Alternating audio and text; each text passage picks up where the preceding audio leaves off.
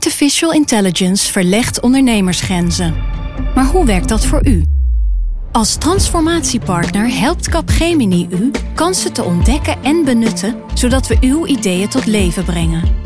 Vorm uw eigen mogelijkheden met generative AI. Ontdek meer op capgemini.nl/slash AI. Capgemini. Get the future you want. Wij zijn van de straat, van de buurt, van de wijk. Wij zijn van heel Nederland. Samen zorgen we voor vrolijkheid, verbinding, feest. Samen brengen we in één jaar tijd 349 miljoen euro bij elkaar. Miljoenen waarmee onze goede doelenpartners de wereld groener, gezonder en rechtvaardiger kunnen maken. Nationale Postcode Loterij. Samen voor een betere wereld.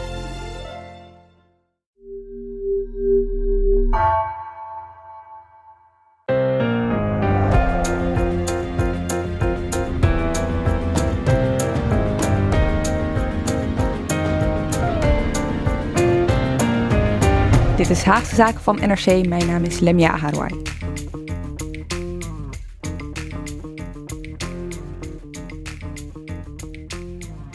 De zes partijen waarvan informateur Mariette Hamer voor de zomer had vastgesteld dat ze onderling de meeste kans hadden om tot een meerderheidscoalitie te komen, die zijn er niet uitgekomen. En daarmee is de formatie 171 dagen na de Tweede Kamerverkiezingen nog steeds niet eens begonnen. Nou, vier verkenners, twee informateurs, een derde in aantocht, tientallen gesprekken met partijleiders en een startdocument dat de basis moest vormen van nieuwe coalitiegesprekken, is nog steeds niet één dag geformeerd. Inhoudelijke overeenkomsten bleken niet zwaarder te wegen dan beeldvorming. In deze Haagse zaken hoor je over opgeworpen blokkades. Hoe de inhoud, achteraf bezien, eigenlijk vooral fungeerde als een soort rookgordijn. En wat het betekent als gevestigde partijen, die in de politieke geschiedenis al vaak hebben bewezen over hun schaduw heen te kunnen stappen voor het landsbelang, niet eens meer met elkaar willen praten. En dat doe ik met bij mij in de studio Tom Jan Meijers en Filip de Witwijnen. Ja, hallo. Welkom allebei donderdagmiddag. Het is nu donderdag eind van de middag, maar eerder deze middag kwam uh, informateur Mariette Hamer met haar eindverslag, haar lang verwachte eindverslag. De conclusie is, kan ik alvast verklappen, er is geen meerderheidscoalitie mogelijk met deze partijen. Jullie hebben het inmiddels allebei ingezien. Hebben jullie nog iets ingezien waarvan jullie dachten, oh dat heb ik in al die berichtgeving van de afgelopen maanden nog niet gezien? Ja, ik zag één optie vanuit D66, uh, uit de koker van D66 komen. Een uh, meerderheidscoalitie zonder CDA. Die hadden, hadden we nog niet opgeschreven. Dus dan hebben we het over VVD, D66, PvdA, GroenLinks, ja. ChristenUnie. Ja. En uh, ik denk niet dat de VVD dat leuk vindt, maar dat heeft ze kennelijk een keer geopperd, Sigrid Kaag. Dat hadden we nog niet uh, vernomen de afgelopen weken. Nee. Tom Jan? Of op het punt van wie met wie, vond ik eigenlijk de grootste verrassing dat je... Er staan geloof ik vier varianten op de minderheidscoalitie ja. in. En uh, één daarvan is zonder de VVD. Dus dan ga je D66, CDA, ja. GroenLinks, PvdA en de ChristenUnie doen. Zeg ik uit mijn hoofd. Klopt. En ik geloof niet dat die uh, heel kansrijk is. Maar kijk, bij formaties is het geloof ik wel zo dat als je de grootste partij bent, dan heb je de kans om de regie te nemen. En dan heb je dus ook altijd het gevaar dat je overvraagt. En dan is het feit dat de variant zonder jou mogelijk is, uh, wel, kan wel relevant zijn. Dus dat vond ik eigenlijk een inzichtje. Je noemt er nu eentje. Uh, Hamer heeft een aantal opties uh, op een rijtje gezet. Hè? Filip, heb je voor. Uh, je... Ja, we hadden de meerderheidsvarianten maar over. Dat waren er vijf, want die zijn toch niet aan de orde nu. Uiteindelijk komt het met vier minderheidsvarianten ja. die dan moeten worden onderzocht door de nieuwe informateur Johan Remkes. Is plan als de Tweede Kamer daarmee mee instemt volgende week. De eerste optie daar is een minderheidskabinet met de zeg maar, middenblok van VVD, D66 en CDA. En met 72 zetels. Deze optie die, is alleen volgens mij geliefd bij VVD en CDA. D66 zou dat niet willen. Ja, zouden ze dat niet willen? Want daar... Las ik, ja, dat, dat staat in het verslag. Maar het kan zijn dat, het, dat ze er binnenkort anders over denken. Wie er wel constructief over mee wil denken is, is Gert-Jan Segers van de ChristenUnie. Die hier dus niet in zit, maar die heeft wel toegezegd... als die het wordt als minderheidsvariant... dan ben ik bereid vanuit de oppositie in de Tweede Kamer... daar constructief in, in, in te staan en mee te werken. Ja, het is op dit moment lijkt het wel de, de variant om mee te beginnen, zal ik maar zeggen.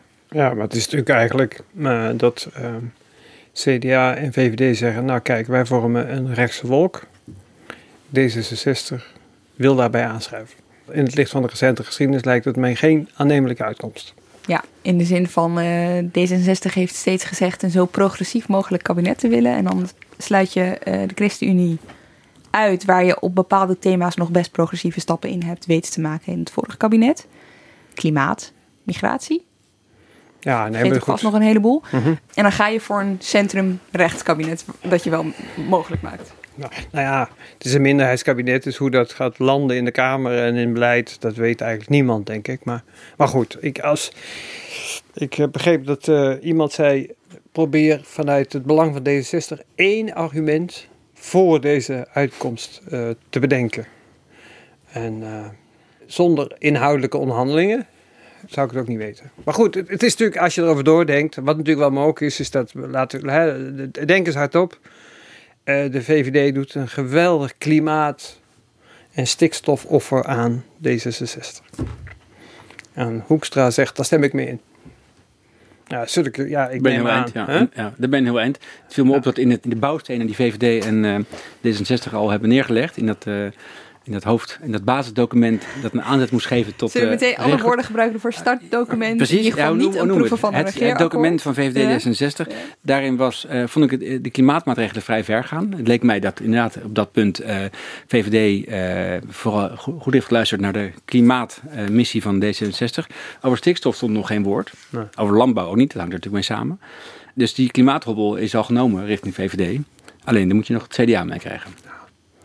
Maar goed, ik, dat kan ik trouwens hier wel vertellen. Dus de afgelopen weken in, uh, binnen het demissionaire kabinet gesproken over een soort megadeal waarbij voor de komende jaren uh, klimaatbeleid, stikstofbeleid en waterbeheer zouden worden gecombineerd in een pakket dat, uh, waarvan de kosten op konden lopen tot 10 miljard euro.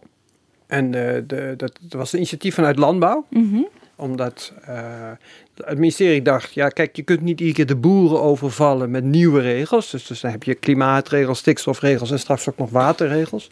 Laten we daar nou één beleidspakket van maken.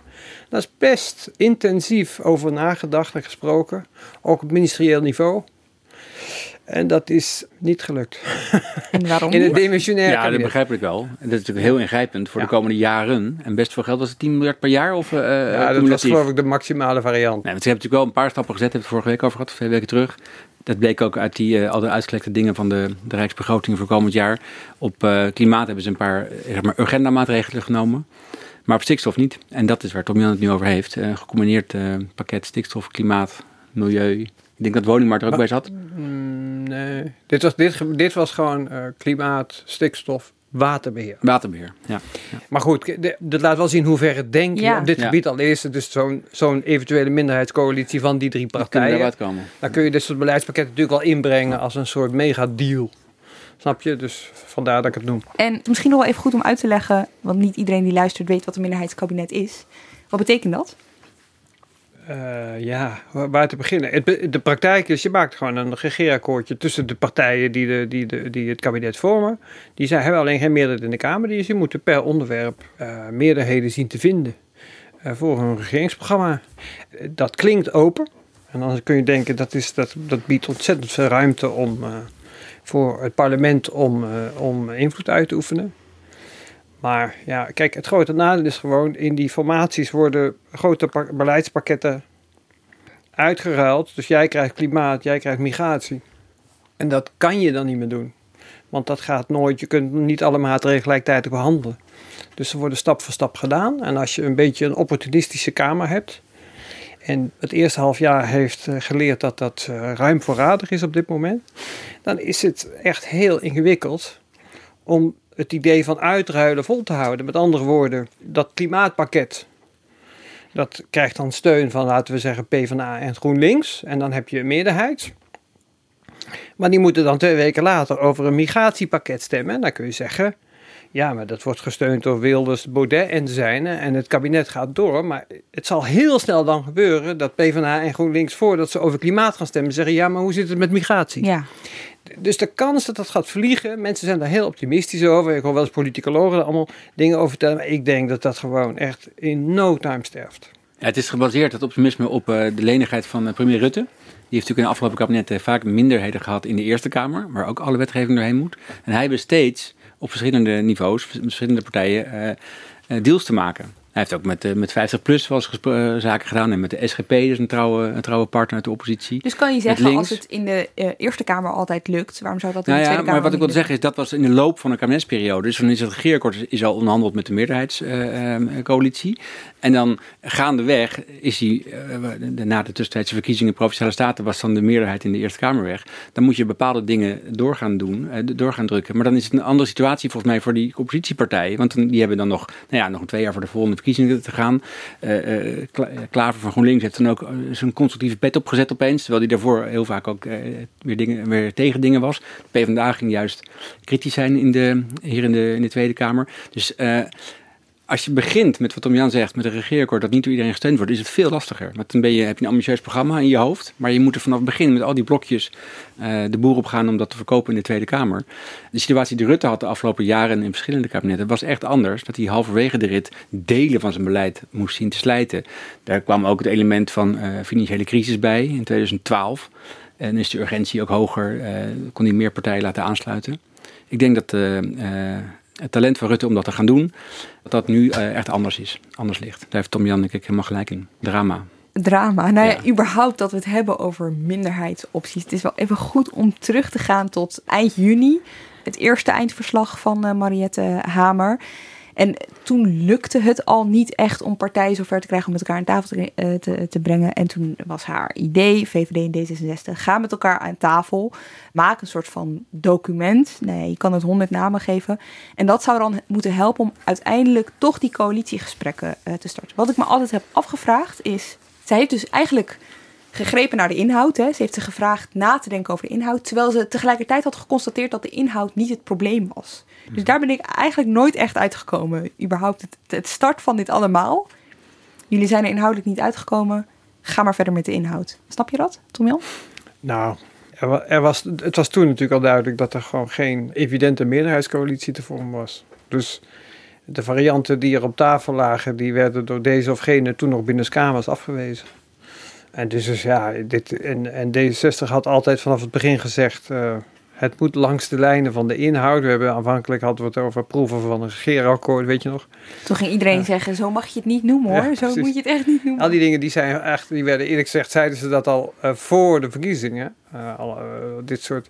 En, maar, dus dit was gewoon een, een, een, een fallback optie. Dus dat, ja, oké, laten we dan, als we niet, niet kunnen uitkomen met wie met wie Laten we dan maar gewoon proberen een inhoudelijk programmaatje te maken en elkaar daarin te vinden. En dat was natuurlijk ook, hè, dat, is, dat is ook wel goed om vast te stellen, denk ik. Het is natuurlijk wel, de hele formatie is tot nu toe langs de lijnen ook van de voorkeuren van D66 uitgevoerd. Hè. Dus de VVD wilde voor de verkiezingen, ik heb het teruggekeken in mijn aantekeningen, uh, drie dagen voor de verkiezingen hoorde ik van de VVD, ja, Remkes wordt informateur. Dus die wilde gewoon dat. En toen zoals had, uh, Ariep had toen al laten weten dat ze voorkeur had. Die was toen nog Kamervoorzitter mm voor een vrouw. En uh, Kaag die zei op verkiezingsavond, nou ja, ik vind eigenlijk twee vrouwen. Eén van de VVD en één van D66. En zo zijn het uh, Jorritsma en, uh, en Ollongren geworden. Um, dus toen, hè, toen is met de D66 voorkeur gaan werken. En die vroegen steeds langs de lijnen van de inhoud. Dus uh, ook die uh, Hamer is ook een voorkeur van D66 geweest. Een suggestie ook van D66. En uh, ja, kijk, en D66 wilde dat. Oké, dat hebben ze ook gekregen. En hier heeft de VVD natuurlijk wel voor een, een beetje ook een lang spel gespeeld. Zo van, nou oké, als jullie dat allemaal willen, laten we het proberen. En dan kijken we wat er uitkomt. Ik denk wel voor een deel in de veronderstelling dat het niet veel zou uithalen. Ja, want vanuit de VVD was eigenlijk al vrij snel te horen dat dit document, dat nu dus openbaar is gemaakt, waarvan het even de vraag was of het überhaupt uh, openbaar gemaakt zou worden. Uh, ja, de status daarvan, dat moest je maar met een korreltje zout nemen. Want zij gingen er eigenlijk al meteen aan het begin van uit van als er dan uiteindelijk partijen op dit aanslaan en, en mee willen doen, ja, dan gaan we opnieuw beginnen. Die gaan dit document echt niet als basis. Ik geloof dat de VVD een beetje geschrokken is van dat, uh, dat het zo enthousiast werd omarmd door uh, GroenLinks en PvdA. Van hé, hey, dit is leuk, hier kunnen we over verder praten. En dat, dat, als je het stuk ook leest, dan denk je ja, dit is best een uh, progressief programma als het over klimaat gaat, over discriminatie, integratie, immigratie. Ook wel dingen over veiligheid en over strengheid. Uh, maar ook die hele motie Ploemer-Klaver over herstel van de rechtsstaat. Dat staat er allemaal in. Dus ik vind het een D66-stuk dat geschreven is om, lijkt het, om PvdA GroenLinks binnen te halen. VVD zat ook aan tafel, hè? die heeft het ook meegeschreven. Maar die, uh, die bleken afgelopen weken, of twee weken terug, van, toen zijn geschrokken leek het wel, uh, van het applaus dat ze kregen van uh, Klaver en Ploemen. Van wij zien aanknopingspunten, we willen hierover doorpraten. Ja, want om even terug te gaan tot naar die zomer. Dat, dat stuk dat is op een gegeven moment voorgelegd aan PvdA GroenLinks en aan de ChristenUnie en het CDA. Ik vergeet het CDA inmiddels zelfs al als een van de partijen waarvan het nog niet zeker is dat ze mee zouden doen. Want, nou goed, dat stuk is uiteindelijk aan ze voorgelegd allemaal. In een samenvatting, hè? dus niet alles. Want uh, de verschillende namen, het stuk heet nu Document op hoofdlijnen. Ja. En de samenvatting, dat zijn de bouwstenen. Uh, dat zijn allemaal punten, allemaal bullets. En ik heb het gevoel dat, uh, dat de, de bezoekende fractieleiders, die mochten die samenvatting zien. Ja, alleen de samenvatting. Ja, dus ze hebben niet het hele verhaal gelezen. Maar goed, de, ik vind de samenvatting vrij adequaat hoor, met, met, met, met maatregelen. Maar die hebben ze toen op die dinsdag kunnen zien in het Johan de Withuis. Dat ja. klopt. Maar het idee was toen zij terugkeerden van de zomer, ook bij de partijen die wij de afgelopen tijd hebben gesproken, van oké, het ging lange tijd over wie is wie, er is nu een inhoudelijk document, laten we het proberen. Alleen gebeurde er al vrij snel iets. Eerst kwam er een artikel in de Telegraaf te staan, waaruit bleek dat VVD en CDA nog steeds tegen twee linkse partijen waren om daarmee samen te werken. En vervolgens kwam er een paar dagen later, op een maandag, formatie zou die week weer starten. Ja een soort van interview met Kaag in het Algemeen Dagblad, waarin zij nog een keer herhaalde, misschien met iets fermere woorden dan eerder, dat zij het niet zag zitten om nog een keer in een coalitie met de ChristenUnie te gaan zitten. En het lijkt wel alsof dat iedereen weer in zijn loopgraven dwong, om misschien nog net iets dieper dan eerder. En ja, het ging al vrij snel weer over wie is wie. Ja, kijk, bij uh, formaties is het in het algemeen eh, wel van belang dat je je standpunten niet voortdurend in het openbaar herhaalt en aanscherpt. het is toch onderhandelen. En ik denk wel, maar dit wijst het achteraf voor, maar ik denk wel dat dat moment, die keuze van Kaag, achteraf gezien niet verstandig was. Omdat in feite al duidelijk was dat de ChristenUnie zelf niet wilde. En ook omdat dit achteraf VVD en CDA een alibi gaf om te zeggen, oké, dan willen wij niet met PvdA en GroenLinks. Terwijl jij schetst net zelf, op dat moment, ja. de kansrijkheid van die variant eigenlijk vele malen groter was dan die met de ChristenUnie. Ja. Want de ChristenUnie zei eigenlijk zelf al, nou, we gaan het niet hardop zeggen, maar we doen het niet. Ja, je bedoelt, als jullie, jullie blokkeren, dan mogen we wel blokkeren. Ja, en dan dat is natuurlijk hun argument geworden. Terwijl eh, de ChristenUnie zou het nooit zijn gaan doen. Toen al was dat duidelijk. Nou, dat, nog eens formeel niet, maar feitelijk wel. Ja, want uh, binnenkamers hoorden die andere partijzegers al wel zeggen van wij kunnen dit niet nog een ronde aan. Uh, weinig mensen vonden het zwaar die afgelopen vier jaar, nu even niet. Hij bleef overigens braaf altijd komen hè, naar, uh, naar, de, naar de informateur. Uit beleefdheid. Uit beleefdheid. En hij heeft er uren ook gezeten, ja. vele malen. Ja. Maar goed, hij, hij wilde eigenlijk niet. En wat ik wel interessant vond aan zijn opstelling was, hij probeerde wel heel nadrukkelijk buiten de boodschap te verspreiden van aan ons heeft het niet gelegen. Mhm. Wij willen wel, maar we voelen ons, nou, daar gebruikte hij dan steeds de woorden ongewenst en niet nodig. Hè, en dan weet je vooral naar eh, D66 voor. Maar de grap van dit alles is dat als je weet hoe dat interview, dus aanhalingstekens met Kaag is verlopen, dat is bijna een soort toevalligheid geweest. Hè. Het was een vrijdag na de ministerraad journalisten van het AD die uh, vroegen haar iets over Afghanistan. Zij stapte uit de auto om daar even wat om ze daarover te woord te staan. En toen vroegen ze haar naar de formatie van VVD en CDA. Die staan nog steeds bij hun standpunten. Niet die twee linkse partijen. Hoe denkt u eigenlijk over de ChristenUnie? Toen kwam haar antwoord, dat hebben ze bewaard tot en met maandag, hè, het begin van de formatieweek. Dit denkt Kaag nog steeds. timing, ja. En het lijkt wel alsof dat, ja, alsof het van toevalligheden aan elkaar hangt, zal ik maar zeggen. Maar is dat zo? Nou ja, ik, ja, ehm, je kunt denken dat is misschien een foutje of stip op de tong, maar ze, ze, heeft het wel, ze vindt het ook, ze heeft het ook nooit ingetrokken. En ik denk dat politici op dit niveau niet dit soort foutjes maken. Die weten, er zijn twee journalisten die vragen iets. Het was niet s'avonds laat. Um, ze had ook niet, um, ik weet niet, het, het, was, het, ja, je moet altijd scherp zijn. En ze heeft, als het een fout was geweest, had ze moeten rechtzetten. Ja, ik snap jouw punt wel. Ik geloof ook niet dat het een fout was. Ik bedoel, het was wel duidelijk dat het haar standpunt was. Ja. Maar de vraag was natuurlijk toch, zeker achteraf, hoe verstandig het nou was mm. dat zij dat standpunt op dat moment in de formatie, ja. terwijl haar variant zo dichtbij aan het komen was. uh, hoe slim het nou was om dat publiekelijk te herhalen. Dat is natuurlijk toch nee, gewoon, eens. het is gewoon een fout van elkaar. En daarna werd het, inderdaad, ging, werd het haartje over en werd iedereen uh, naar... De reactie, ja. iedereen ging op elkaar reageren. Naar tegen elkaar. meer over ja, en het werd ook, voor mij werd het ook binnen of achter de schermen ook steeds, uh, steeds filijner. Uh, dat hoorde je ook wel Hamer een beetje zeggen bij de persconferentie. En ik moest het hard slagen om de alinea in, die, in de documenten op hoofdlijnen. En het stond ook in de bullets onder het kopje democratische rechtsorde en open politiek.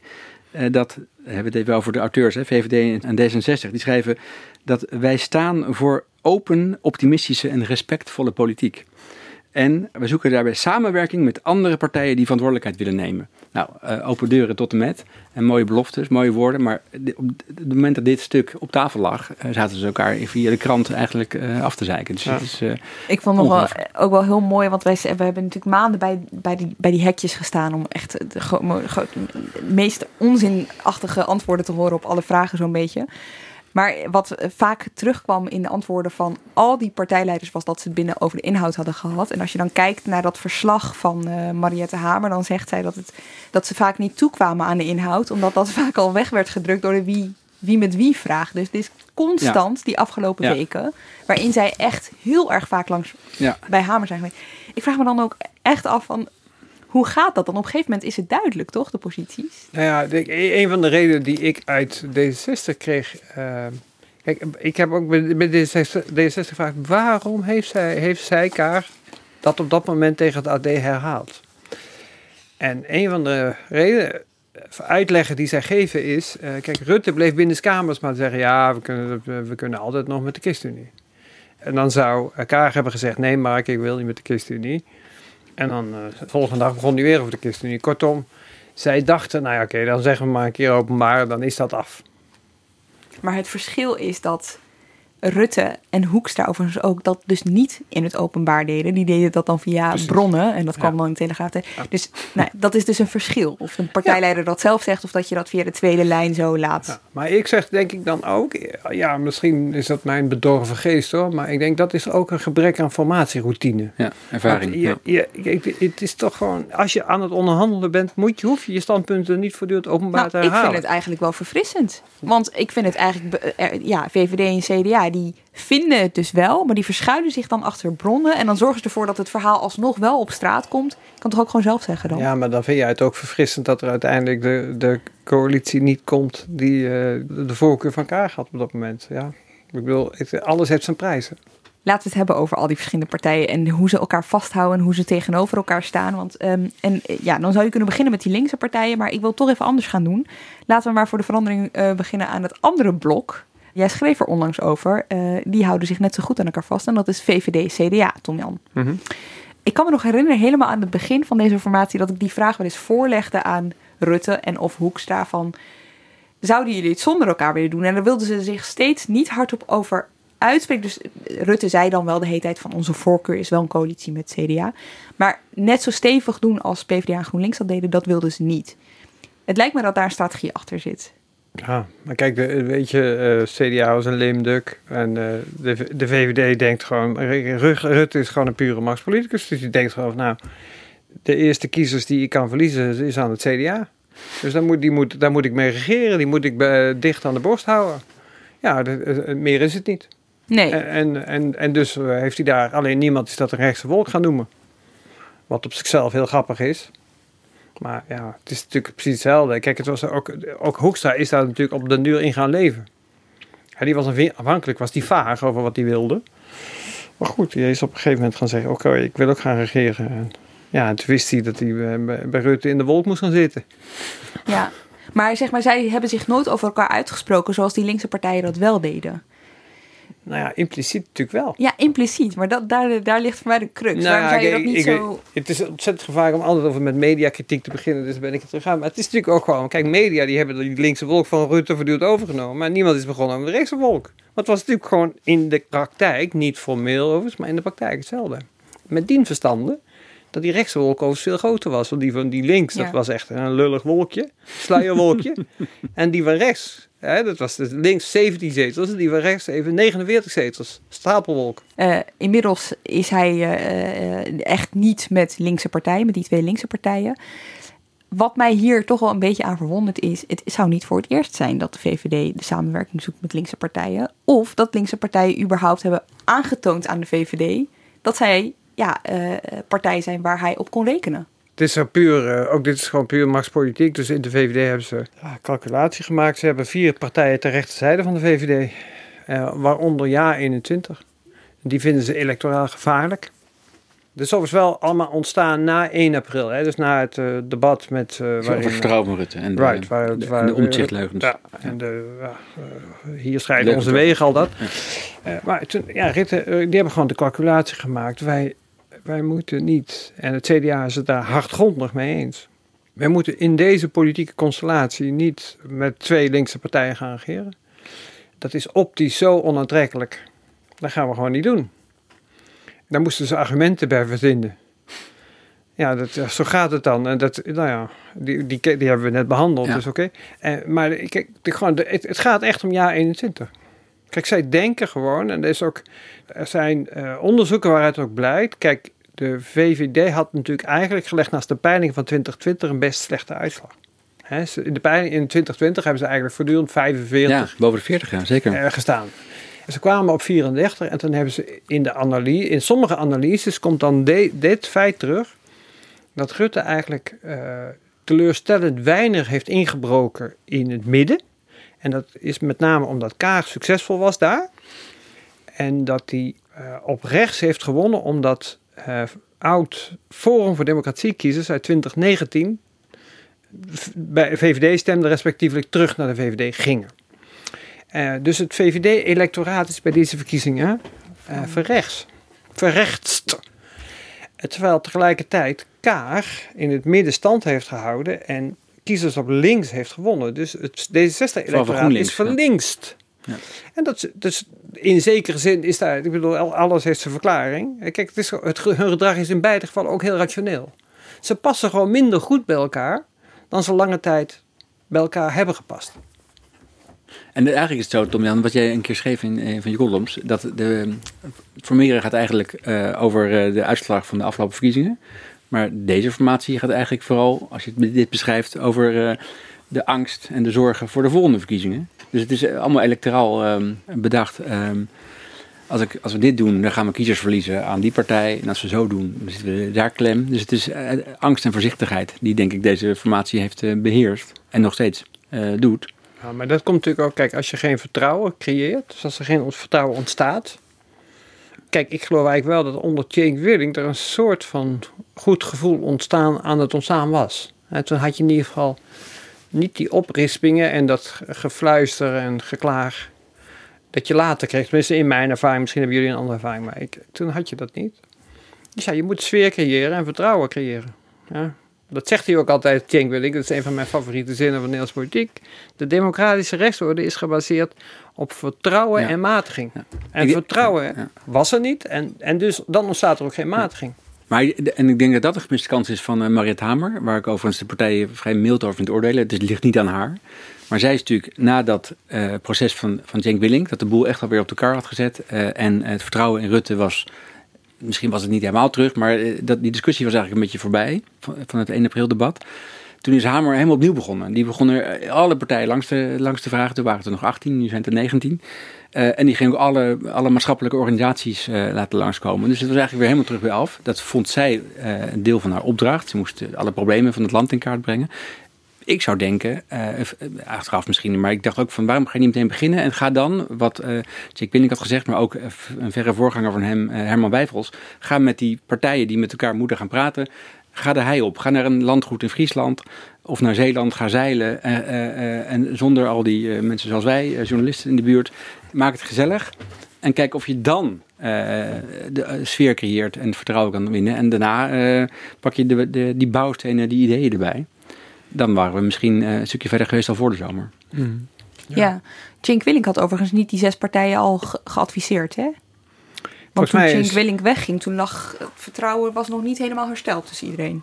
In, in Rutte wel, maar onderling nog niet. Cenk Willink heeft bereikt dat bij die zes partijen, die zes, uh, laten we ze redelijke partijen noemen, die, uh, die uh, Rutte zo eloquent in de campagne aanwees, die waren bereid Rutte als premier te accepteren. Ja.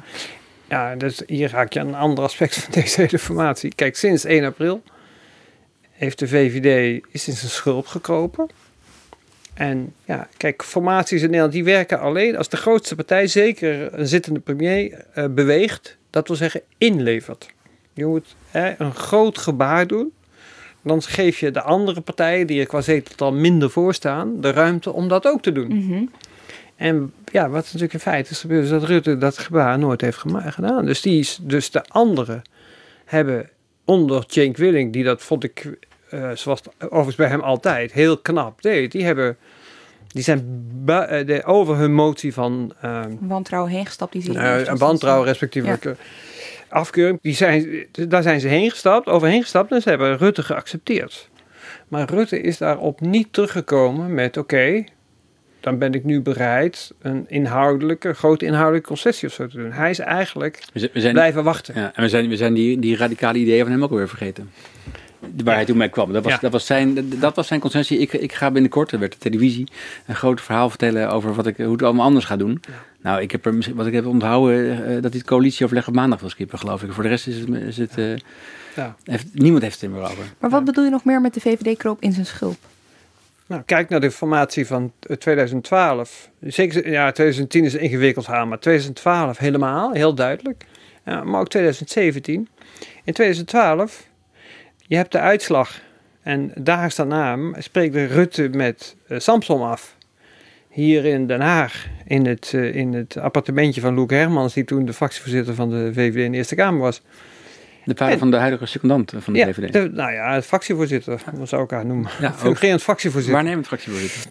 Eh, die spreken af. En die, die twee, die sluiten in een avondje met een paar biertjes uh, ja, de grote lijnen van het regeerakkoord. En Rutte geeft de helft van zijn verkiezingsprogramma weg. In die tijd, ja, dat ben je al vergeten, maar hadden wij het bijvoorbeeld al jaren een discussie over de hypotheekrenteaftrek. En dan zei de VVD, no way José, dat kon nooit. Nou ja, die, werd, die gaf hij gewoon een avond weg. De inkomensafhankelijke zorgpremie. Zorg, ik heb, ik, het is allemaal, en er zijn vele, vele voorbeelden die te noemen. Maar hem er bijna Marx Rutte op. Ja, maar kijk, dat deed hij toen. En in 2017 weigerde de VVD in de campagne het, het, eigen. Ze hadden bijna geen klimaatmaatregelen in het regeerakkoord staan. En dus ze, had, ze weigerden door het PBL te laten doorrekenen. Deden ze niet. Oh, uh, minder zo, hè? In, het, in de, in de, in, ja, in de bouwstenen staat dat het een doorgerekend verhaal wordt, ja. uh, klimaatmaatregelen. Maar toen, hebben, toen heeft, enfin, had je ook alle dingen, maar één belangrijk moment is toen geweest dat uh, Pechtold en Buma, die hebben toen een, een concept klimaatplan in elkaar getimmerd. Toen moest Pechtold over Buma overreden, maar goed. Dat legden ze aan Rutte voor, die dus echt vrijwel geen klimaatbeleid in zijn hele programma had staan. En die zei, dat gaan we doen. Dat stond in de klimaatwet, de klimaatakkoord, de hele, het Parijsakkoord werd eh, uitgevoerd. Nou ja, kijk, zo dient een zittende premier te opereren in een ingewikkelde formatie. Die moet grote gebaren kunnen doen. En als hij ze niet brengt, gaat niemand ze doen. Dus dit rust op hem. Uh, overigens heeft hij dat perfect door hoor. Dat is geen, geen hij, dus hij heeft redenen om het niet te doen. Uh, die gaan we later denk ik wel ontdekken. Ik heb wel idee, maar, ik, ik, maar dit moet gebeuren. En zolang dat niet gebeurt, is die hele formatie een farce. Ja, ja, hij, in plaats van gebaren maken van uh, te, uh, te willen van anderen, is hij juist de boodschap afhouden. Maar kun je verklaren hoe dat dan komt? Nou ja, dus electoraat, dus de, de, de electorale calculatie denk ik heel belangrijk. Ik denk dat hij zelf soepeler dacht over regeren met links, met die twee linksen, dan zijn eigen partij. En ik denk dat hij zich ongemakkelijk voelt uh, in de onderhandelingen met Kaag. Hij, daar is geen wat, wat uh, vertrouwen ontstaan. Of althans niet voldoende. Dus, dus, nou ja, het is natuurlijk ook zo. Kijk, als je grote concessies doet, doet, dan moet je het vertrouwen hebben dat je die doet aan iemand die dat zal, kan appreciëren. Ja. Die jou dan ook wat gunt. Hè? Het moet niet zo zijn dat je het voortdurend het gevoel hebt dat je uitgekleed gaat worden. Ja, precies. En daar, kijk, tussen die twee, uh, op de een of andere manier, maar goed, ik ben geen psycholoog op een of andere manier is, is daar geen, geen soepele onderhandelingsverstandhouding ontstaan. Het komt ook heel geforceerd over, want ik zie ze dan natuurlijk niet binnen, maar wel buiten. Als ze vooral, uh, kun je je nog, Filip, dat uh, die dag herinneren dat ze vlak voor het zomerreces. Rutte met zijn fiets. Rutte met en toen waren ze juist goed gestemd, leek het. Ja, maar ook geforceerd, weet je wel. Als, ja. Ze kwamen vrolijk naar buiten. En, uh, maar je hebt gelijk, ze moesten doen dat, dat document schrijven. Wat me hierin verbaast, uh, Tom Jan, wat je nu vertelt, is ze hebben toen wel in de zomerweken Hamer zei ook, er is helemaal geen vakantie geweest. Is er gewoon hard gewerkt aan de documenten. Alle namen van de auteurs staan er allemaal bij. En fractieswisters werden erbij betrokken. dat waren dat een secondant? Nou ja, dat, dat denk ik ook vooral. Maar uiteraard waren die fractieleiders erin gekend. En dat document ligt er. En dat is ja, ik, ik vind het een D66-document. Dus het lijkt dat Rutte daar wel behoorlijk heeft weggegeven. Nog even dat electorale toch wel. Hè? Want wat mij opviel deze formatie was dat moment dat Hoekstra op een gegeven moment de PvdA en GroenLinks voor het eerst niet aantrekkelijk noemde, die, eh, die eh, combinatie. Dat was op 1 eh, juni na een gesprek met informateur Hamer. Dat is niet de variant die bijna het meest voor de hand ligt. Uh, Integendeel. Ik begrijp wat Hoekstra zei. Ik begrijp wat Hoekstra zei. Ja, en zo ging het eigenlijk de hele tijd. Dus Hoekstra zei iets en Rutte ging daarna achteraan.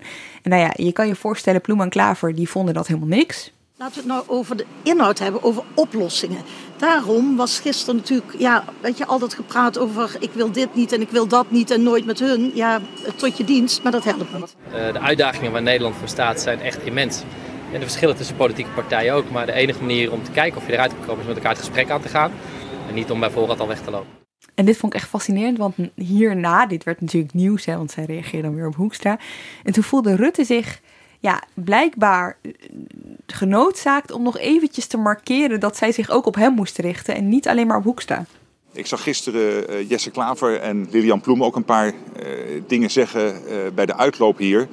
In de richting van Bobke Hoekstra. Maar zij weten dat Bobke Hoekstra en ik daar toch echt wel hetzelfde van vinden. Hè? dat we die combinatie, ja, dat we die twee partijen voor ons natuurlijk al op behoorlijke afstand staan. En die combinatie, eh, dat we die echt niet eh, voor de hand vinden liggen. Integendeel, dat zeggen we eigenlijk allebei, dat weten ze ook. Let op het woordgebruik van we. Ik vond dit echt fascinerend. Maar waar ik nou benieuwd naar ben, je zei net ook iets over, is hij was op zich geneigd om met die twee, keer, twee linkse partijen samen te werken. Hij, hij kent Ploemen ook goed. Oh, die hebben samen in een eerder kabinet gezeten. Met Klaver is het ook beter gegaan. Uh, op een gegeven moment las je ook in dezelfde telegraaf dat uh, de voorkeur voor de PvdA een beetje was verschoven naar de voorkeur voor GroenLinks. Want GroenLinks die zou, die wilde zo graag, die was bereid om makkelijk dingen weg te geven. Dus Rutte leek in staat, of bereid te zijn om met twee, wel met twee keer links samen te gaan praten. En na dit moment niet meer. Dus ik ben benieuwd, is hij nou teruggekomen onder invloed van Hoekstra, die dat heel scherp zei, en dus uh, electorale belangen. Of heeft zijn eigen VVD, hebben hard aan zijn partij gezegd: hé, hey, meneer, meneer de partijleider, u gaat hier iets te hard inbinden. Nou, de eerste keer was volgens mij even duidelijk. Dat, kijk, toen, dat was ook in het stadium dat, dat hij die variant, hij had er niet voor gekozen, maar hij had hem ook niet afgewezen.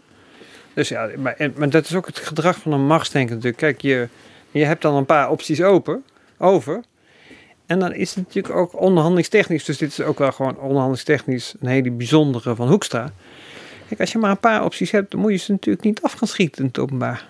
Dat moet je niet doen. Dat is, dan, dan, dan geef je namelijk ook je onderhandelingspositie weg in het uitvoeren van die andere optie. Dus, dan wil je niet te graag. Nee, wil je dus, niet te graag. Dus Rutte die zou dat uit zichzelf is mijn overtuiging, mijn voorzichtige stelling. Ja, ik, ik kan het niet bewijzen, maar ik, het lijkt me uitermate onwaarschijnlijk dat Rutte dit uit zichzelf zou hebben gedaan. Nou ja, en we kunnen dat enigszins bewijzen, want hij heeft het wel hardop uitgesproken bij Ollongren en Jorritsma in dat eerste gesprek. Daarin zegt hij letterlijk, PvdA, nou ja, letterlijk, eh, dit zijn de hmm. aantekeningen ervan, hmm. PvdA plus GroenLinks, allebei gaan we niet trekken waarom dat linkse wolk. Maar in die periode zei hij dat nooit buiten. Dat is hij echt pas gaan zeggen toen Hoekstra erover begon. Nou, maar de linkse wolk was al voor de verkiezingen een keer. De linkse wolk, maar het uitsluiten van PvdA en GroenLinks... en dat ze dat allebei niet gaan trekken, dat kwam echt wel later. Ja. Nou, ze reageren dus op elkaar en ze reageren dus ook, dat vind ik echt een interessant fenomeen, op wat er in de, in de ochtendkranten staat. En uh, regelmatig, was ook in de vorige formatie, was even kwijt welk verhaal. Uh, er komt een verhaal in de, in, de krant, het AD of uh, de Telegraaf of de, bij ons of in de Volkskrant. En dan gebeurt er wat in de, in de formatie, dan moet er iemand reageren. En dan weet je bijna zeker dat zo'n verhaal is ge, geconstrueerd en in een bruine envelop in een brievenbus van een redactie heeft, heeft gezeten. Niet helemaal hoe het werkt. Niet helemaal het ja, werkt. Er wordt, er wordt heel veel ingestoken natuurlijk door, uh, door spindokters. Ik wil even door naar Hoekstra zelf en zijn manier van onderhandelen. Want ik moet zeggen, ik weet niet hoe het met je zit, maar ik heb de afgelopen weken wel steeds veel meer begrip gekregen voor dat woordje onderhandelingsstijl Hoekstra, dat toen in de notitie van uh, Ollongren had uh, gestaan. Hij heeft uiteindelijk aan het langste eind getrokken. En ik zou het best interessant vinden om even met jullie te bekijken hoe hij dat heeft gedaan. Want ik kan mij nog herinneren dat wij hier ook aan tafel vaak genoeg, zo vlak na de verkiezing, hebben gesproken over hoe moeilijk het CDA het had. Dat die partijen op instorten stond. Dat er partijleden of ook fractieleden waren die liever in de oppositie terechtkwamen. Dat Hoekstra dat ook in het midden liet. En ja, nou goed, inmiddels kunnen we wel stellen dat zijn wens is uitgekomen. Hoe is dat gebeurd? Is dat handigheid? In Amerika noemen ze dat uh, 100%er. Dus iemand die onder, gaat onderhandelen en eigenlijk als enige optie heeft: ik krijg volledig gelijk. Dat is uh, ook de manier waarop hij als minister van Financiën zich vaak heeft opgesteld. Dat heeft tot allerlei, ook gewoon tijdens Rutte 3, als allerlei tot namelijk absurde situaties geleid. Mijn favoriete voorbeeld is... Uh, huh? En grote irritaties bij, bij, bij, bij collega-bewindspersonen. Ja, maar, maar kijk, Hugo de Jonge was vicepremier. Was zijn vicepremier. En die heeft niet een keer voor 300 miljoen euro... Wat veel geld is, maar op het geel van de Rijksbegroting... Nou, Philippe, dat weet jij beter dan ik. Dat is dat natuurlijk pindas. En daar hebben ze geloof ik vier, uur, vier keer zitten overhandelen, onderhandelen en dan uren... En dan wou hij gewoon niet toegeven. En er zaten ambtenaren bij en die, die begonnen ook van ja, ik, ik, sorry hoor, maar ik begrijp het niet meer. Zo, die, ja, dat is zijn stijl. Dus hij, hij legt iets op tafel met, bij een gesprekspartner. En gaat er dan eigenlijk van uit dat dat ook de uitkomst is. In die, die hele Haagse fabriek die denkt precies anders. Die denkt, nou, dan leg je iets op tafel en dan is er wat geven, wat nemen en dan komt er ergens uit. Nou, bij hem werkt het niet zo. En deze formatie doet hij eigenlijk voor zover hij een bijdrage heeft gehad, want die was natuurlijk niet enorm, is dit zijn positie geweest. En op dit punt hè, van, van de coalitie heeft hij natuurlijk gewoon zijn zin gekregen. Dus hij heeft wel gewonnen. En hij heeft het voor elkaar gekregen. Of nou ja, tenminste, ik weet niet of hij daar heel veel moeite voor heeft moeten doen. Daar hebben we het net al eventjes over gehad. Dat de VVD wil sowieso het CDA erbij hebben. Mhm. Dus lijkt hij inmiddels wel verzekerd te zijn van een plek aan de formatietafel. Eerst wat, eerst wat één dingetje toch extra van mij in zijn voordeel van Hoekstra. Inderdaad, de VVD heeft zich aan het CDA vastgeklonken. Dat, dat kon eigenlijk alleen maar door het vertrek van Omtzigt. Want voor mij Omtzigt van het CDA, die wilde niet met Rutte door. Als iemand niet met Rutte door wil, is hij het wel. Uh, al die andere partijleiders, uh, om is geen partijleider, maar die anderen die motie van wantrouwen hebben gesteund, hebben dat ingeslikt. Om zich wilde niet. Dat was voor CDA best een probleem, want die moesten stelling nemen. Mm. Goed, dat probleem is, de discussie is in zoverre afgelopen dat Omtzigt uit de partij is. Dus Hoekstra heeft nu ook zijn handen vrij om uh, met VVD samen te gaan. Maar het is natuurlijk ook wel zo, dat kijk, de, ook, Omtzigt komt terug half september, zoals we weten. En die, ja, die zal natuurlijk dus het lijkt me, ik weet het niet zeker, maar eh, het lijkt me heel erg aannemelijk dat die, uh, hè, dat is dan na het CDA-congres van 11 september, ja, zal hij zijn positie markeren door zich nog eens uh, tegen een, een, vierde kabinet Rutte uit te... En dat is natuurlijk ook voor Rutte best ongemakkelijk. Want het is natuurlijk toch, hoe je het ook bent of keert, een uitermate populaire politicus. Over electorale effecten gesproken, ja. ja. maar goed, ik, ja, dat is inderdaad het verhaal dat uh, nu steeds klinkt. Ik, toch denk ik ook, uh, hij, moet, hij moet het nog bewijzen. Dus je altijd tegen keren is, tegen iedereen keren is natuurlijk één. Maar straks zit hij in de Kamer, heeft hij niet ja, de bescherming van een partij om zich heen. Hoewel hij daar zelf natuurlijk ook anders over dacht. Of, maar hè, dan moet hij het echt op, op zelf gaan doen. Ik ben benieuwd hoe dat gaat zijn. Ja. Ja, er zitten heel veel. Kijk, het CDA staat natuurlijk wel dramatisch in de peilingen. Ja. Dus dat is wel een factor. Tot met zes zetels. En kijk, hij is als persoon natuurlijk gewoon populair. Dus hij. ik weet niet wat zijn plannen zijn, hoe hij zich zal gedragen. Maar zie je, dat viel me ook na de zomer op. er zijn wel duidelijk CDA-kamerleden geweest die het signaal hebben afgegeven voor de zomer. Dat ze het als gedachte niet zo gek vinden om uh, eventueel in een fractie met omzicht te gaan zitten. Dus dat drama kan zich ook nog. Ik, dit is speculatie hoor, maar ik, dit, het is in ieder geval niet uit de hoofden van Hoeveel denk CDA's. Je? Hoeveel denk je in potentie? Ik, ik, ik weet het oprecht niet, maar ik, ik hoorde mensen die dat uh, goed kunnen weten, uh, hoorde ik spreken van twee of drie. maar goed, dat is speculatie. Dus dat moet hè, mensen, als, als, als mensen dingen aankondigen, zoals we weten in de politiek, dat moet je altijd, dat moet je niet serieus nemen. Ze moeten het doen. Maar, dat, maar dan, moet, um, dan moet Remkes ook de tijd nemen om te kijken hoe dat dan uh, neerdaalt. Over hoeveel CDA nog over heeft om in een uh, coalitie aan te sluiten. Ja, dat, is allemaal heel, dat zijn enorme complicaties. En dat is dezelfde partij van dezelfde Wopke Hoekstra. Die dus zegt, als wij met twee linkse partijen gaan werken, dan is dat instabiel. En het is numeriek niet nodig. Terwijl hij dus zelf een partij leidt waar het nogal rommelt, ook in de achterban. En waar dit dus een risico is, dat hij zelf zetels kwijtraakt. een CDA-leider of überhaupt een CDA-politicus die klaagt over de instabiliteit van een andere partij, die, uh, dat is een godspe. Nog één ding dat me hier overigens aan uh, verwonderde de afgelopen tijd is ook dat een argument van VVD en CDA was ook steeds van, nou ja, als, als er twee linkse partijen zijn, dan maakt dat het mogelijk dat er kikkers uit de kruiwagen gaan uh, uh, springen. Hè? Dus dat mensen anders gaan stemmen, bijvoorbeeld, niet met ons mee. Ik dacht, wacht eens even, dit loopt allemaal parallel aan die discussie over de open bestuurscultuur. Dus zij gaan ervan uit dat Kamerleden van CDA of VVD of D66 dus sowieso precies stemmen zoals zij dat willen. Dat, ik, soms denk ik van, we zitten allemaal ontzettend op het nieuws. Maar als we eventjes een beetje uitzoomen, dit is natuurlijk best een gekke gedachte. Ja, zeker. Dat is, dat is inderdaad, heb voorkomen gelijk. Ik kan niet anders zeggen. Kijk, het is, uh, nog eens, ik herhaal, uh, Rutte is een machtsdenker. En als je machtsdenker bent, dan is, je, dan is überhaupt dat hele idee van een andere bestuurscultuur. Ja, dus dat is een soort Frans. Want dat kan niet als je op die manier in de, in, in de wereld staat. Dit, is hier een, een, schitterende illustratie van. Nog even over die linkse partij, want we moeten het er toch eventjes over hebben. Het is nogal een factor geweest, deze formatie er ontstond op een gegeven moment het beeld, die linkse partijen die gaan samenwerken, omdat VVD en CDA dat willen en dat zou helpen in die formatie. Ik heb best wel veel vragen gekregen van luisteraars. Is dat zo? Hoe zit dit nou? Ja, ik heb de indruk dat de partijen er wel mee, zelf mee bezig waren, al voor de zomer. Dus dat het bezweren ze ook het, echt uit onze eigen koker. Maar dat ze wel uh, hebben veel gesproken met Rutte, met Hoekstra om te kijken of dat idee zou landen. Er moest een list worden bedacht. En Rutte was er zeker uh, ook over aan het meedenken. Wat kunnen we uh, doen uh, om jullie samenwerking vorm te geven, zodat wij onze blokkade kunnen opheffen en die van en het CDA ook. Nou, daar is toen in de zomer over gesproken, ook in die weken vlak voordat de formatie werd hervat. En wat ik begrijp is dat de het idee bij VVD en CDA is ontstaan dat, uh, dat PvdA en GroenLinks veel verder uh, wilden gaan met die samenwerking. Dat ze echt een fractiefusie wilden uh, sluiten. Dan heb je één fractie, één gezicht. En dan zou je ook met één onderhandelingsteam één handtekening zetten voor die, voor die nieuwe fractie. Dat was het idee dat was ontstaan bij CDA VVD. Dat was wellicht genoeg geweest om het wel te kunnen trekken. Het idee dat niet zeggen, hoor je vanuit VVD en CDA zomaar was ontstaan daar, maar op basis van de gesprekken van Ploemen en Klaver. Ja, die, die waren daarmee bezig. Uh, ik weet niet in hoeverre ze dit zelf hadden bedacht uh, om die fractie zo erg te verseren, want daar was er nog wat weerstand. Uh, maar Rutte zag dit wellicht wel zitten. Ik weet niet of Hoekstra dat echt heeft zien zitten, maar het was in ieder geval. uiteindelijk is het, kwamen ze die vrijdagmiddag met die verklaring en toen bleek het lang niet zo ver te gaan. Toen bleek het eigenlijk niet verder te gaan dan wat ze al deden. Met z'n tweeën naar Hamer, Klaver en Ploemen.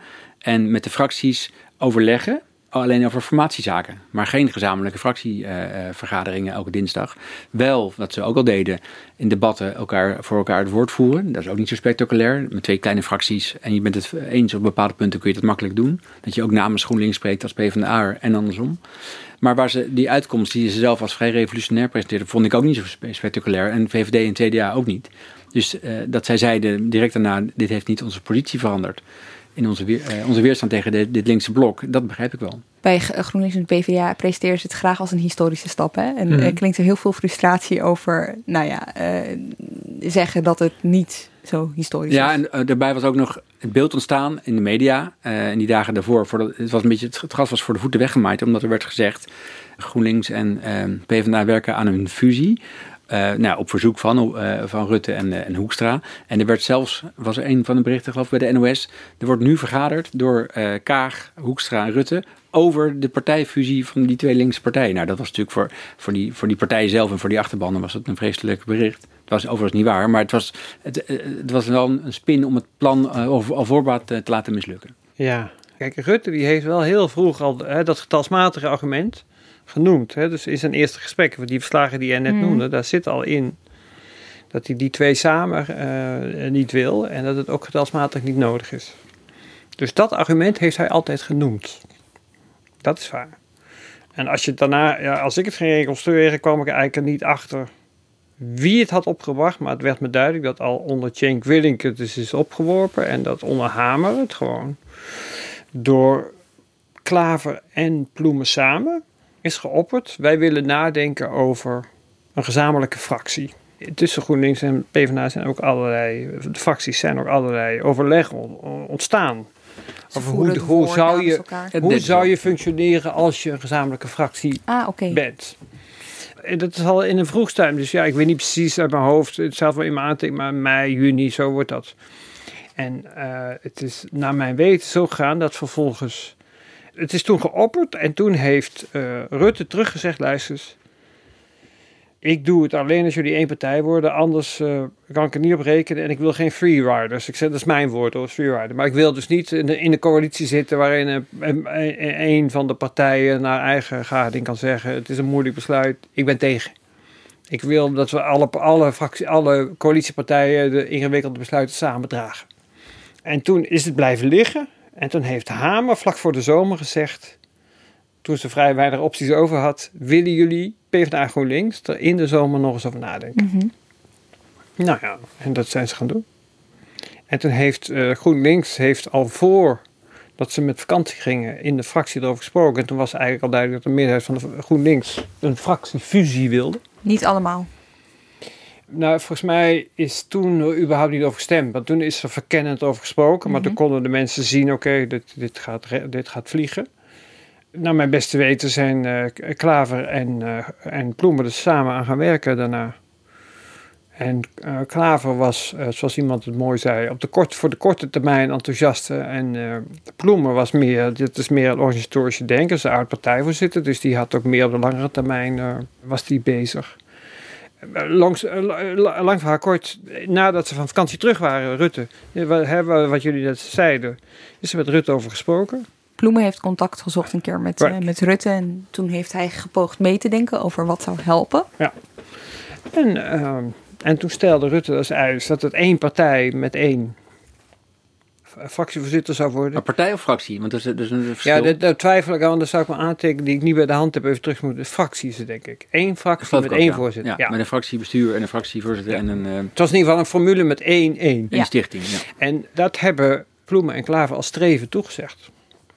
En daar is het misgegaan. Want Klaver heeft vervolgens op maandag, ik meen maandag 15 of zoiets, augustus, een, een fractie bij elkaar geroepen en kreeg een meerderheid achter zich. En dinsdag, dat was een fysieke vergadering. En dinsdag is, eh, heeft Ploemen, de, de PvdA-fractie, online ingelicht over waar ze stond en wat ze wilde. En die had allerlei bedenkingen. En daar zaten gewoon, dat zijn ook normale natuurlijke processen. Daar zaten gewoon, als ik toen ik dat uit, uitgelegd kreeg, een best waren realistische bezwaar, of reële bezwaar. Er zat bijvoorbeeld een jongen in, er zit daarin, Gijs van Dijk. Die, dat is een oud GroenLinks GroenLinks, overigens, ja. maar Ja. heel belangrijk. Die heeft de fusie van een aantal FNV-bonden meegemaakt. Die komt van de FNV. En die zei, ja jongens, ik heb hiervan geleerd, van fuseren. Dan moet je nooit in één klap doen. Als je dat gaat doen, dan krijg je ongelukken. Dus je moet langzaam naar elkaar toe groeien. Ja, dat- toen zei, allerlei, allerlei anderen, zeiden ja, dat is wel een goed punt. Mhm. Dus zo ging dat, Ja. en zo ging Maar dat dus, plan. Huh? Nee, eh, mag ik even verhaal? Nou ja, zo ging het plan. Dus toen heeft eh, een aantal vergaderingen tot en met eh, donderdag heeft de PvdA zelf. En toen kwam er uit dat ze.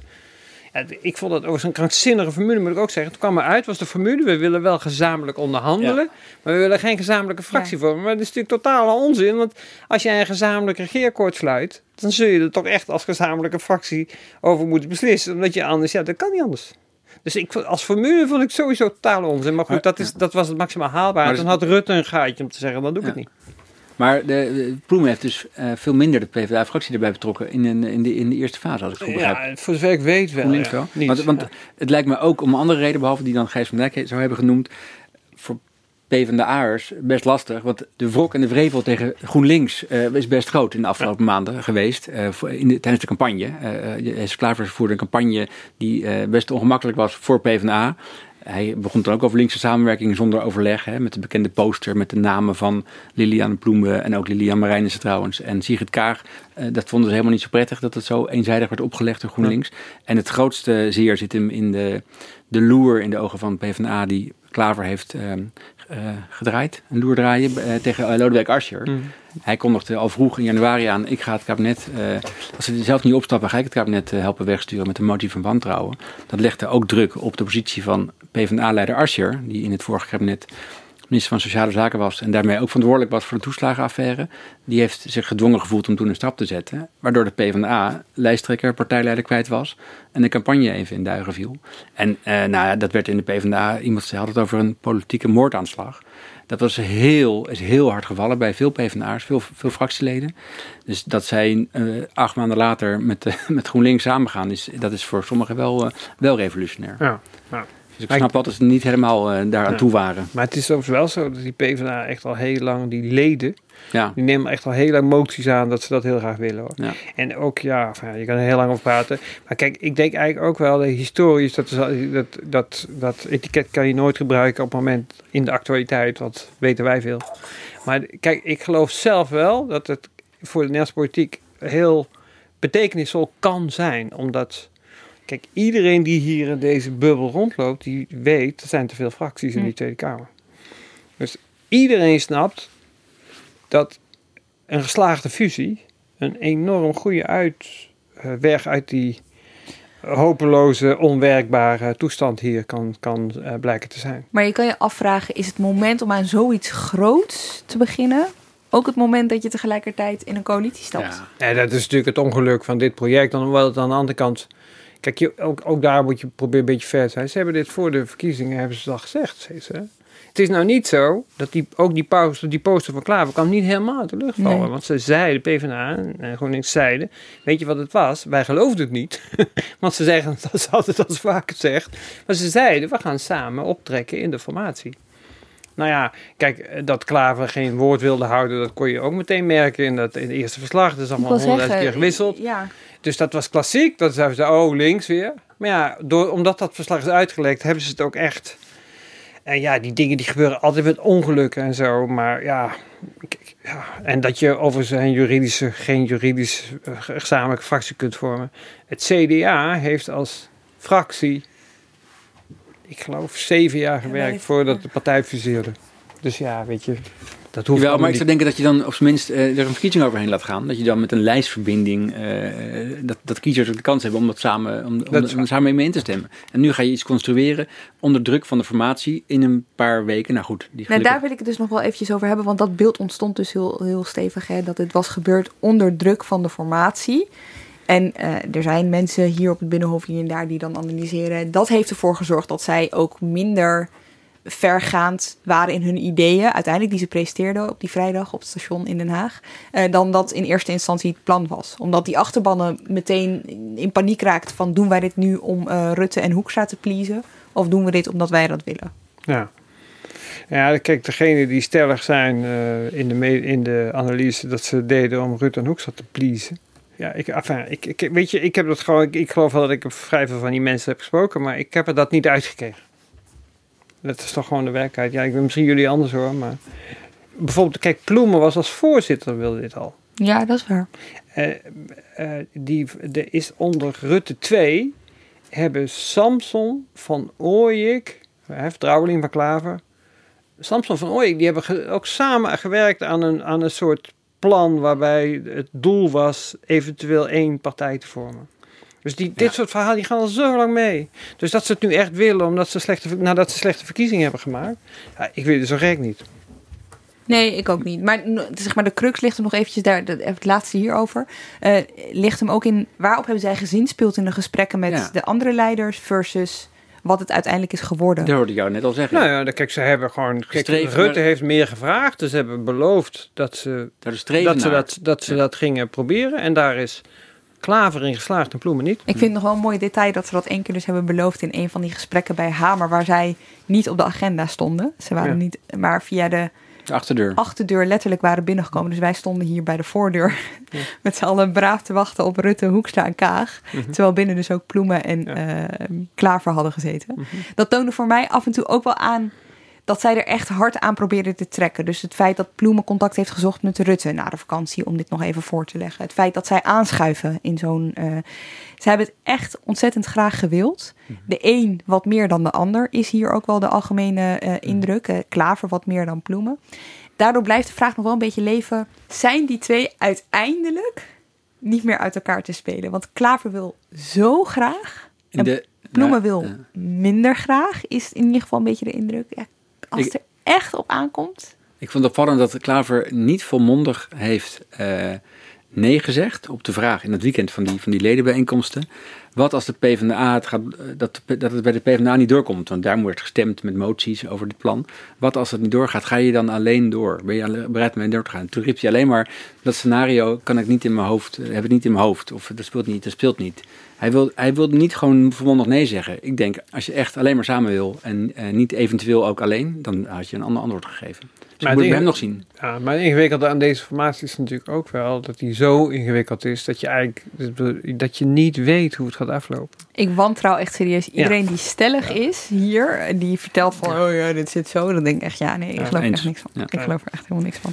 hey, nog één ding, eigenlijk nog twee dingen. zeg ik terwijl ik mijn regisseur met zijn half ogen aankijk.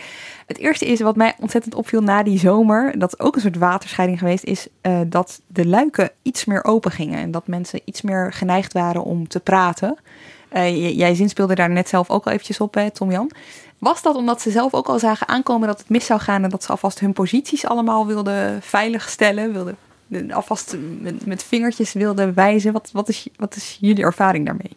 Ik denk dat het eh, bij, uh, ja, het is per persoon verschillend. Ik denk dat dat, kijk, bij GroenLinks was gewoon een uitgelaten stemming. Dus die, eh, die hadden ook, hè, er, waren alle, gingen allemaal verhalen rond over dat uh, Jesse werd vicepremier en uh, Asje zou terugkomen. En dat hadden ze gewoon allemaal, al die verhalen gingen daar. Dus dat was, dat was er. Je had gewoon binnen de PvdA verzet. Dat was er. En je had binnen de VVD, maar dat heb ik niet gehoord, maar getaxeerd. Angst dat die gesprekken die Rutte met primair en om te beginnen Ploemen had gevoerd dat die zouden worden uitgelegd als, uh, zie nou, hij steunt het. Dat is natuurlijk altijd het kwetsbaar in die dingen. Dus kijk, als het dan misgaat, dan wil je niet achteraf uh, dat jouw naam of jouw vingerafdrukken erop zitten. En in, het was misschien nog sterker nu ik het formuleer. Ja, ik, misschien wilde de Rutte überhaupt niet dat zijn vingerafdrukken erop zaten. Dus, heeft, dus kwam dat, het idee van, nou ja, ze hebben het eigenlijk gedaan omdat Rutte dat geëist dat kwam als, als, als uh, beeld natuurlijk niet slecht uit. Maar eh, om, te, om antwoord op je vraag, hoe, hoe merk je het? Eh, voor de zomer was de formatie ook al heel lang bezig. Wij volgen met z'n tweeën Lemja best lang uh, van het begin uh, al die sessies, inloop, uitloop. Daar hoor je helemaal niks. Zal ik daar nog één ding over vertellen? Sorry, tussendoor. Ja? Zijvaatje. Ik sta hier dus al maanden iedere keer al die onzin aan te horen. De ochtend ja. waarop het gebeurt, dus Ploemen en Klaver lopen naar buiten en Afgelopen zeggen... dinsdag was ik er dus niet bij. maar hoe heb je dat voor elkaar gekregen? Ja, ik heb geen idee. Oh. Toen heeft Mark het overgenomen, ja. Oh, ja, zo had, stom. ja, ik had iets anders. Ik had, ik, ik had iets anders, iets onbelangrijks. Maar je hoort helemaal niks. Uh, we, we, we, dan, wat doe je dan als journalist en je hoort niks? Uh, dus je, je, gaat er toch altijd naar kijken, want misschien gebeurt er wel, wel net wat. Maar dan probeer je dus via de, nou, de, de achterkant van het Binnenhof uh, wel die informatie te krijgen. Dus de hele tijd met mensen spreken, koffie drinken. Dat zijn, nou, dat zijn de mensen die betrokken zijn met informatie of mensen die daarvan weten, adviseurs. Dus nou, en ik, die hebben eindeloos veel uh, kilometers door het gebouw gelopen. Toen nog het, het oude gebouw.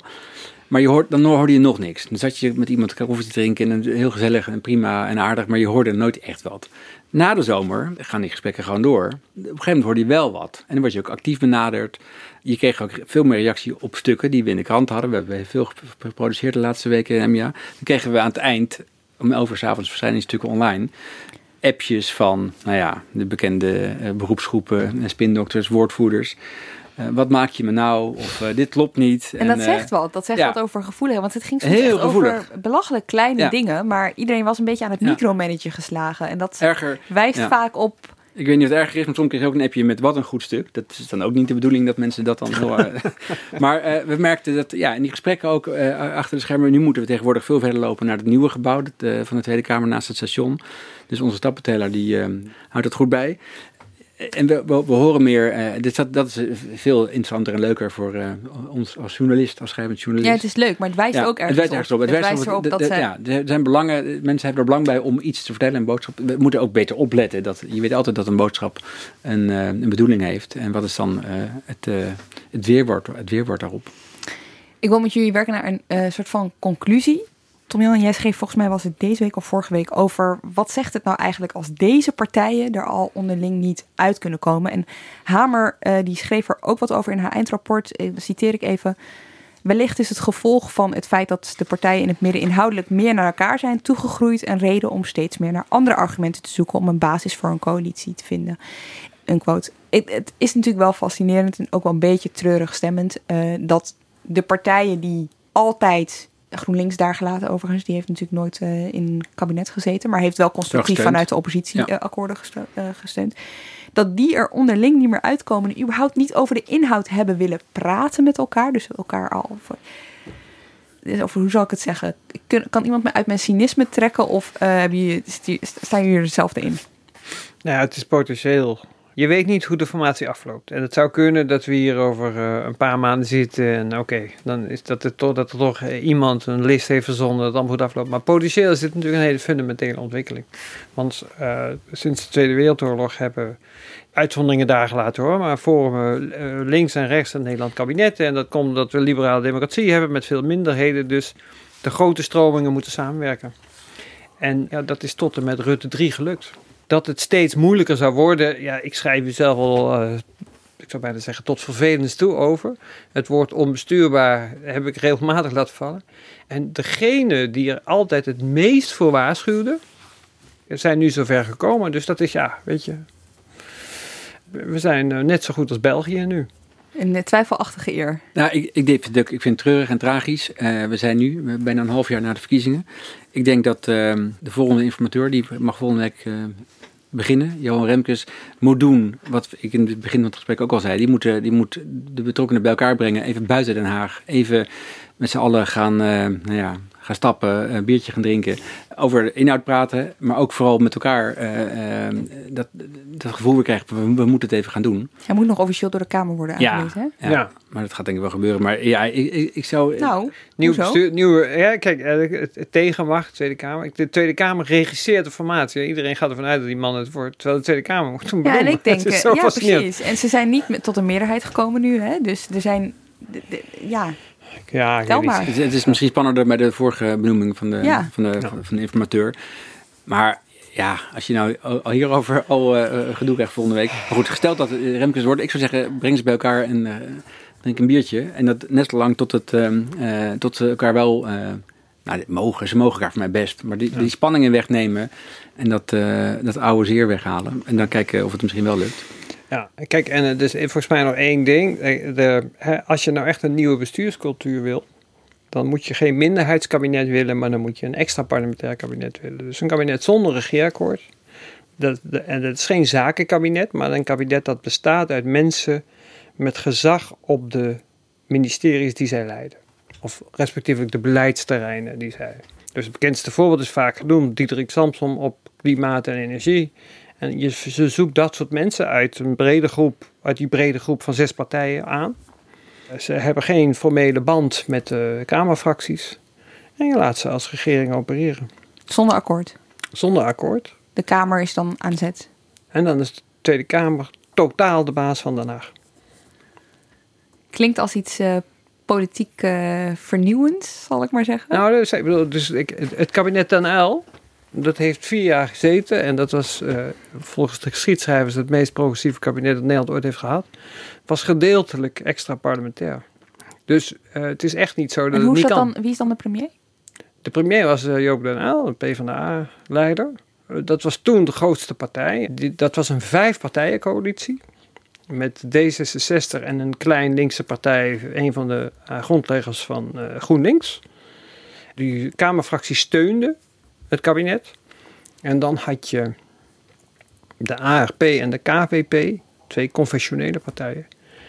En die fracties voelden zich niet gebonden aan het kabinet. Dus dat kabinet moest ze, voor elk voorstel dat ze deed een eigen meerderheid zien te organiseren. En er zijn ook heel veel voorstellen om die reden afgesloten. afgesloten. Als er een woord is dat ik uh, steeds associeer met Rutte, dan is dat de controle houden. Ja, maar kijk, jij, jij, noemde hem net volgens mij een machtspoliticus. Ja, maar we kunnen volgens mij veilig vaststellen dat, uh, dat deze formatie uh, tot nu toe heel weinig aanleen geeft voor de veronderstelling dat er een kabinet Rutte zal komen waar hij de totale controle ja. op heeft. Ik denk dat we dat wel kunnen vaststellen, ja. Oké, okay, nou uh, laten we vooral niet speculeren over hoe dit in godsnaam gaat aflopen. Maar we zien elkaar hier over een paar weken vast alweer. Dank jullie wel, Tom Jan Meijers en Filip de Witwijnen. Graag gedaan. Dank ook weer voor het luisteren. Redactie en productie waren in handen van Iris Verhulstonk. Montage door Pieter Bakker. Volgende week is er weer een Haagse Zaken. Nog geen kabinet, denk ik, een Haagse Zaken. Tot dan.